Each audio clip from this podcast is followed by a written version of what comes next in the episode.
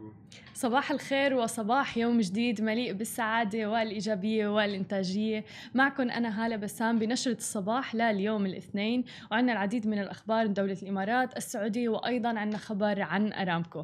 وأكيد خلونا نبدأ بأول خبر معنا لليوم. أطلقت دولة الإمارات أولى رحلاتها إلى المريخ في ساعة مبكرة من صباح الاثنين في إطار حملة سريعة لتطوير قدراتها العلمية وأيضا التكنولوجية. والحد من الاعتماد طبعا على النفط كمصدر أساسي آه، للاقتصاد. وأطلق مسبار الأمل من المركز الفضائي في اليابان الساعة 1:58 صباح الاثنين بتوقيت الإمارات في رحلة إلى الكوكب الأحمر والتي تستغرق سبعة أشهر حيث سيدور حوله ويرسل بيانات عن غلافه الجوي أيضا. وهناك حاليا ثماني مهمات نشطة تستكشف المريخ حاليا بعضها بدور حول الكوكب والبعض الآخر يهبط على سطحه. وتعتزم كل من الصين والولايات المتحدة الأمريكية أيضا إرسال رحلة أخرى إلى المريخ هذا العام. وهذه المهمة كلفت الإمارات تحديدا برحلتها إلى المريخ حوالي 200 مليون دولار. وتستهدف المهمة توفير صورة كاملة عن الغلاف الجوي للمريخ وأجوائه للمرة الأولى وذلك بإعداد دراسة يومية وأيضا فصلية عن التغيرات التي تطرأ عليه. وأعلنت الإمارات عن هذه الخطة للمرة الأولى في عام 2014 وطبعا لدى دولة الإمارات خطة طموحة جدا لإقامة مدينة سكنية على المريخ بحلول عام 2117 وطبعا أصبح هزاع المنصوري أول إمارات يصل إلى الفضاء في سبتمبر أيلول عام 2019 برحلة وصل فيها إلى محطة الفضاء الدولية. ومن أجل تطوير وبناء مسبار الأمل عمل الإماراتيون ومركز محمد بن راشد للفضاء أيضا مع مؤسسات تعليمية وأمريكية لديها خبرات عظيمة في مجال علم الفضاء. وبعد نحو ساعة من إطلاقه انتشر مسبار الأمل بنشر ألواحه الشمسية لتشغيل أنظمة الاتصالات وغيرها من أنظمته الأخرى. وأشرف بعدها مركز محمد بن راشد للفضاء على المسبار خلال رحلته اللي بيقطع خلال مسافة 494 مليون كيلومتر بمتوسط سرعة بتبلغ 121 ألف كيلومتر في الساعة.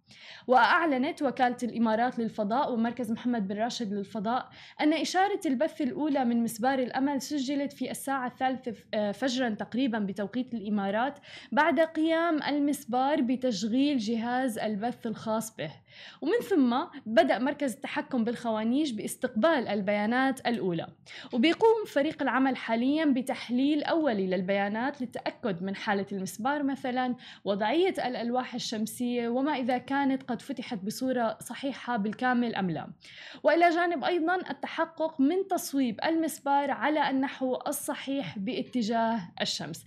أكيد نحن بسماشي تي في آه رح نواكبكم بآخر المستجدات أول بأول عن هذه الرحلة، طبعا هذه الرحلة بتستمر حوالي سبعة أشهر، آه نحن امبارح بثيناها مباشرة على موقع سماشي تي في، على تطبيق سماشي وأيضا على ال social media آه تبع سماشي تي في. وانتقالا إلى خبرنا الآخر عن السعودية حيث ذكر بيان صادر عن الديوان الملكي ونقلته أيضا وكالة الأنباء السعودية واس ليلة الأحد الاثنين أن العاهل السعودي الملك سلمان بن عبد العزيز عزيز آل سعود دخل مستشفى الملك فيصل التخصصي بالرياض لإجراء بعض الفحوصات من جراء وجود التهاب في المرارة.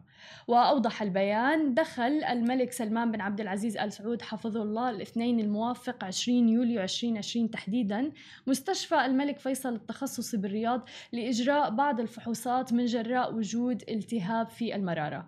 وأيضا تفاعل مغردون عبر تويتر في هاشتاج سلامتك يا أبو فهد. متمنين أكيد له الصحة والعافية دوما. وانتقالا إلى خبرنا الأخير عن أرامكو السعودية حيث أعلنت أرامكو أن حكومة المملكة قامت بتحديد موعد نقل الأسهم المجانية إلى المحافظ الاستثمارية للمستثمرين السعوديين الأفراد المستحقين ليكون في يوم السبت 25 يوليو تموز 2020 وقالت أيضا أرامكو أنه فترة الاستحقاق للأسهم المجانية اللي هي 180 يوما المشار إليها في نشرة إصدار الطرح الأولي الصادرة عن الشركة التي صدرت بتاريخ 9 نوفمبر تشرين الثاني الماضي. قد انتهت بنهاية تداول يوم الأحد 7 يونيو حزيران الماضي. وبحسب النشرة أيضا فإن كل مكتتب سعودي مؤهل احتفظ بأسهم الطرح بصورة مستمرة وغير منقطعة حتى نهاية تداول يوم 7 يونيو 2020 واللي هي كانت نهاية فترة استحقاق الأسهم المجانية راح يحصل على سهم مجاني واحد إضافي مقابل كل عشر أسهم تم تخصيصها من أسهم الطرح.